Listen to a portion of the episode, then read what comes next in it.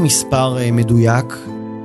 כן אני יכול להגיד שהלקוח הישראלי, ברגע שהוא יכול ו... ורוצה, אז uh, הוא כן יכול uh, להגיע להוצאות מאוד מאוד מאוד גבוהות, הוצאות של מיליונים. אני יכול לתת מספר, אבל אף אחד לא מבין המספר הזה בעצם מה הוא מכמת בתוכו. בית פרטי, פנטהאוז, מה שטח הפנטהאוז. זאת יכולה להיות גם דירת uh, 70 מטר מרובע בתל אביב, שהלקוח uh, רוצה להשקיע יותר מהרגיל. זה לא נכון אה, לכמת את זה במספרים, כי אני חושב שהמאזינים בעצם לא יכולים אה, לתרגם את זה למשהו בד... בדמיון. איתמר לוי, מעצב פנים בתחום מגורי היוקרה. את הלימודים שלי בעצם אה, עשיתי במכללה למינהל, אה, למדתי לימודים של תואר ראשון, לימודים שבדרך כלל נמשכים אה, ארבע שנים, לא כולל סטאז'. ואני בעצם אה, בשנה השלישית אה, ללימודים כבר התחלתי לקבל פרויקטים. כתוצאה מזה אני בעצם משכתי את הלימודים על פני שש שנים. הפרויקט הראשון בעצם היה בשנת 2010, כשאת הסטודיו באופן רשמי הקמתי ב-2011. כיום אני מעצב בתחום המגורים, מגורי יוקרה. סטודיו מתעסק בעיקר, בעיקר בדירות יד שנייה לשיפוץ, דירות קבלן. בתים פרטיים, אה, בתי מלון ולא באים. בוא נגדיר, או ננסה לפחות, להגדיר אה, מגורי יוקרה. המושג הזה, מגורי יוקרה, הוא מושג אה, שמשתמשים בו אפילו יותר מדי. כולם נורא נהנים להגיד שהם עושים דירות יוקרה ומעצבים נכסי יוקרה, ו... ומה זה בעצם יוקרה? והנישה הזו יש בה המון המון אוויר חם, וצריך להבין באמת מה הכוונה עיצוב מגורי יוקרה. אני חושב שהנוסחה הזאת היא, היא נוסחה שמורכבת מכמה פרמטרים, כאשר הפרמטר הראשון זה הלוקיישן. לוקיישן של דירה, על הנוף שלה ועל התמהיל עצמו של כל המבנה והשכונה, זה פרמטר מספר אחד. הפרמטר השני הוא בעצם פרמטר שהוא כלכלי. אנחנו צריכים להתייחס לכמה בעצם אה, לקוח מוכן להוציא פר מטר מרובע. Okay. זאת אוקיי. מה התקציב שלו. ואני חושב שמכאן אנחנו גוזרים גם את העבודה עם החומרים. ככל שאנחנו מתעסקים עם תקציבים יותר יותר גבוהים, אנחנו מצליחים אה, לעשות שימוש במוצרי פרימיום, בחומרים הרבה יותר יקרים, עם טכנולוגיות אה, שמאפשרות לנו ממש לעוף אה, כיד הדמיון. אה, אני יכול לתת כמה דוגמאות. Mm-hmm. בהנחה שנגיד אנחנו עובדים עם אה, חומרים יקרים, כשאנחנו רוצים נניח אה, לחפות קירות בחדר רחצה, פתוחה בפנינו האפשרות לעשות את זה עם אה, חומרים כמו שיש אמיתי, שהוא חומר גלם יקר מאוד, אנחנו יכולים לעשות אותו ב-cut to size, שזה חיתוך לפי מידה, אנחנו יכולים להתאים את הדוגמה שיש בשיש לאריח הבא, ומכאן שאנחנו מקבלים איזשהו מוצר שהוא custom made, הוא לא משהו שהיינו יכולים לבצע אותו בעלויות נמוכות יותר. מכאן שכל פרטי הבנייה וכל הטכנולוגיה של החומרים, הכל, הכל, הכל מקבל התייחסות אחרת. אה, אלה מגורים שבעצם מתייחסים ל... לדרגת הגימור וכמות הפרטים אה, בצורה אחרת. איך היית מגדיר את הקו העיצובי שלך? אה, אז אני חייב לציין שבנושא הזה, קו עיצובי הוא משהו שהוא תמיד קיים, אני חושב אבל שהוא גם משהו שהוא מתפתח עם הזמן. זה גם תלוי למידה, התבוננות ודיאלוג עם לקוח, וזה גם עניין שהוא uh, תרבותי ואופנתי, אבל כן אני יכול להגיד שהסגנון שמייחד אותי היום, או לא, לא יודע אם מייחד, אלא מגדיר, הוא סגנון עיצוב מודרני, אבל הוא לא מינימליסטי בהגדרה המאוד מאוד uh, פשוטה שלו. זאת אומרת, אנחנו לא מדברים על uh, פלטת חומרים uh, מאוד מאוד בסיסית ולא על uh, מונוכרומטיות. אז נכון שאנחנו אה, במבניות שהיא מאוד מאוד אה, מודרנית ובקווים מאוד מאוד נקיים, אבל כן אני משתדל לצקת המון תוכן ועניין לתוך החללים, ואני חושב שהיום הסגנון הוא סוג של אה, מודרניות עם אקלקטיות. זה לקחת אה, חלל שהוא סופר סופר מודרני ולצקת אליו אה, נגיד אה, חומרים. קצת שונים שלא מזוהים עם הסגנון. זה יכול לבוא לידי ביטוי בטקסטיל, זה יכול לבוא לידי ביטוי בנגרות, בצבעים, כל מה שיכול לתת עוד אושר לתמונה עצמה, לבנות את זה בצורה קצת יותר עשירה, לתת יותר נפח לדברים. ואני חושב לתת איזשהו חותם של מי שגר בבית, ולא איזה משהו שהוא סטרילי לחלוטין. ואתה יודע, הרבה מאוד אנשים אה, חושבים שסגנון מינימליסטי ומודרני, אה, יש בזה משהו קצת, אני חושב, לא ביתי. הוא תמיד משדר משהו מוזיאלי, לא חיים פה, ואני מנסה לברוח מזה. אנחנו כן נמצאים בתקופה שהסגנון והעיצוב הם מודרניים, אבל כן צריך להכניס נשמה לבית, אז הוא לא יכול להישאר סופר סופר סטרילי. הוא צריך תמיד לקבל עוד כמה שכבות. שתף אותנו בסיפור עבודה מוצלח, פרויקט שאתה גאה בו במיוחד. אה, זוג לקוחות שהגיעו אליי בעצם אה, עוד לפני שהיה נכס. הם בעצם אה, רצו שאני כמעצב יעזור להם לבחור את הנכס הטוב ביותר עבורם. ואני זוכר שזה היה זוג שהגיע מחו"ל, הם נורא נורא חיפשו לגור כל הזמן מול הים. אז גם היה את הטרנד הזה של מגדלים, נוף פתוח לים, וככל שהם יותר ויותר אה, ראו דירות במגדלים, שום דבר לא דיבר אליהם, שום דבר לא הצליח אה, בכלל להיות להם בית. הכל היה נורא מנוכר ונורא קר, ואתה יודע, מגדלים ולא באים, ושיש ומבריק, ו...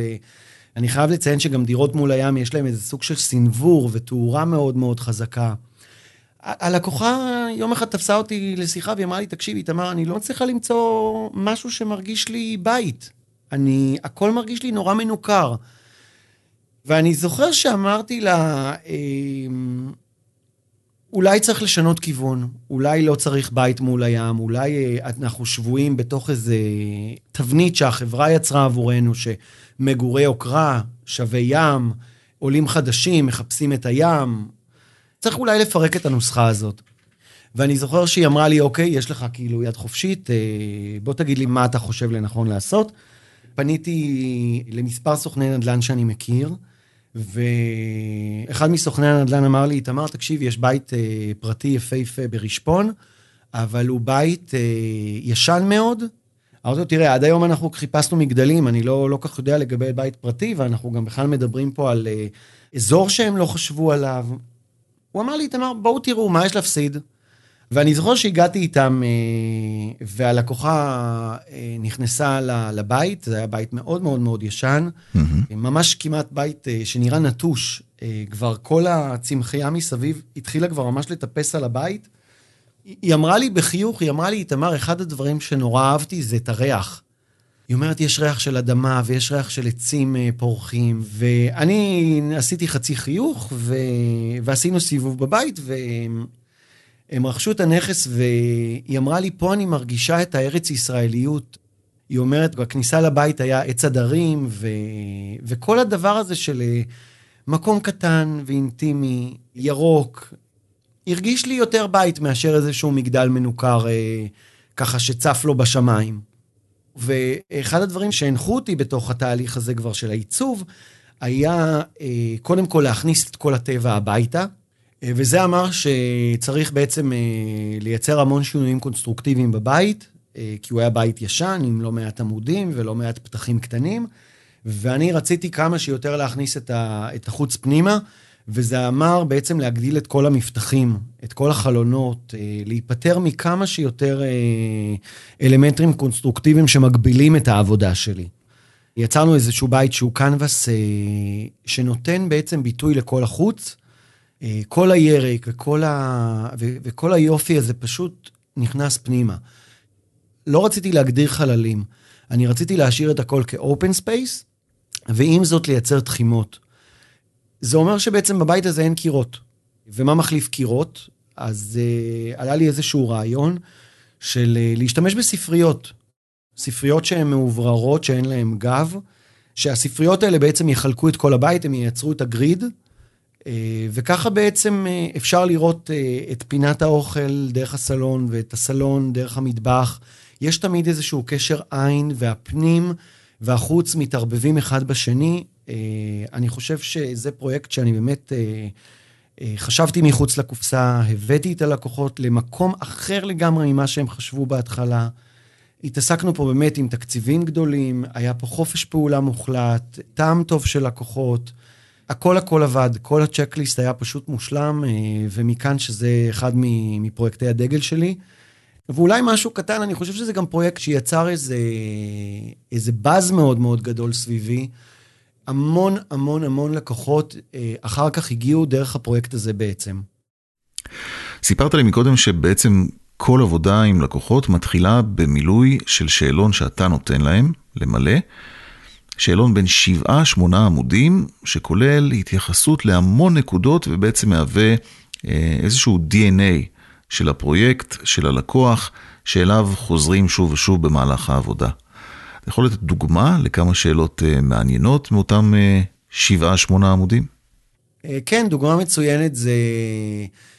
אחת השאלות בשאלון מתייחסת ל... ל... ל... לאיך אנחנו מתעוררים בבוקר. אנחנו אוהבים להתעורר לחושך או לאור. יכול להיות שדרך אגב, היום אנחנו מתעוררים אה, לסוג של תאורה שאנחנו בכלל לא רוצים, אבל אנחנו בכלל לא יודעים שיש אופציה אחרת. עוד דוגמאות? אה, כן, בשאלון יש אה, שאלה אם אנחנו מתקלחים לבד או בזוג.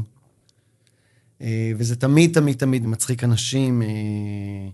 יש פה משהו שהוא קצת אחר. אתה, אני חושב שגם כשלקוח עונה על, השאלות האלה, הוא מבין שיש מישהו ש, שקשוב לו, ומישהו שמציף לו קצת דברים שהוא אפילו לא חשב ש, שצריכים להציף אותם. אה, שאלה נוספת בשאלון זה למשל, אה, איפה את או אתה אה, צובעים את השיער. בשלב הזה, אם אני יודע שהלקוח הוא לקוח שצובע את השיער בבית, יהיה לי מאוד מאוד מאוד חשוב להתאים את צבע האריח ואת סוג האריח, ואפילו לבחור את הרובה הנכונה בין העריכים, זאת אומרת, את, ה, את חומר המילוי, את הפוגה, בצורה מאוד מאוד מאוד מדויקת, כדי להבטיח שבאמת בצביעת שיער הראשונה, הלקוח לא יתקשר בהיסטריה ויגיד לי, איתמר, תקשיב, כל האמבטיה אה, צבועה בכל מיני צבעים ואי אפשר להיפטר מזה. אז חשוב לשים לב לדברים הקטנים האלה, הם עושים המון המון הבדל.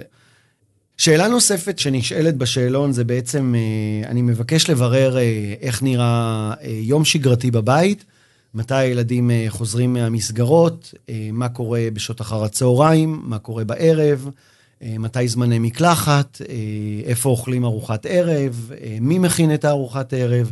כל הדברים האלה מאוד מאוד חשובים לי, והשאלון בעצם נותן לי את המידע הזה. וכמו שאנחנו מבררים איך נראה יום שגרתי, אז אני גם צריך תמיד לברר איך נראה הסופש. כי בסופש הבית הוא לא אותו דבר כמו ביום חול. אז גם את זה חשוב להבין, וגם שגרת חגים. זה גם משהו שחשוב לי להבין. איתמר, טיפ שלך אה, לבחירת מעצב. ניגשים לתיק העבודות, לתמונות באתר, לסרטונים? אה, לאו דווקא. צריך פשוט להבין שכשאנשים רואים תיק עבודות, הם, אה, הם, הם רואים תמונה. הם לא רואים תהליך, הם לא רואים uh, את התקציב, הם לא uh, מכירים בעצם את הלקוח שעבורו uh, הצבת את אותו חלל. אה, צריך להבין שכל פרויקט יש לו DNA משלו, יש לו תקציב משלו, יש לו דינמיקה אה, עם הלקוח אה, שונה, ומכאן שבעצם אי אפשר להסיק מתמונה אחת ולהגיד, אוקיי, המעצב מתאים לי או המעצב לא מתאים לי. אני חושב שהרבה יותר חשוב כשבוחרים מעצב, זה קודם כל לבחור מעצב שהתקשורת איתו טובה, שההסכם עבודה איתו הוא הסכם עבודה שאתם מבינים אותו ומתחברים אליו, ואתם אה, יכולים אה, לייצר בו שינויים אם צריך. מעצב פנים שהוא מעצב אקדמאי, שסיים אה, לימודים לתואר אה, במוסד אקדמאי בארץ ובחו"ל, אה, ומישהו שבעצם יש לו לקוחות ממליצים. אני חושב שאחד הדברים היותר חשובים זה בעצם אה, לשוחח דווקא שיחה טלפונית עם לקוחות קודמים, ולשמוע בעיקר על התהליך. איפה הם נתקלו בבעיות, איך הוא פתר אותם ברמה הטכנית, ברמה הלוגיסטית, עם מה הם התמודדו, איפה זה עבד יותר טוב, איפה זה עבד אפילו פחות טוב, ולראות אה, בסוף אם השיחה הזאת היא, היא שיחה שעושה שכל או לא שיחה שעושה שכל. אה, ואחרי כל אלה אני גם חושב שיש משהו ש...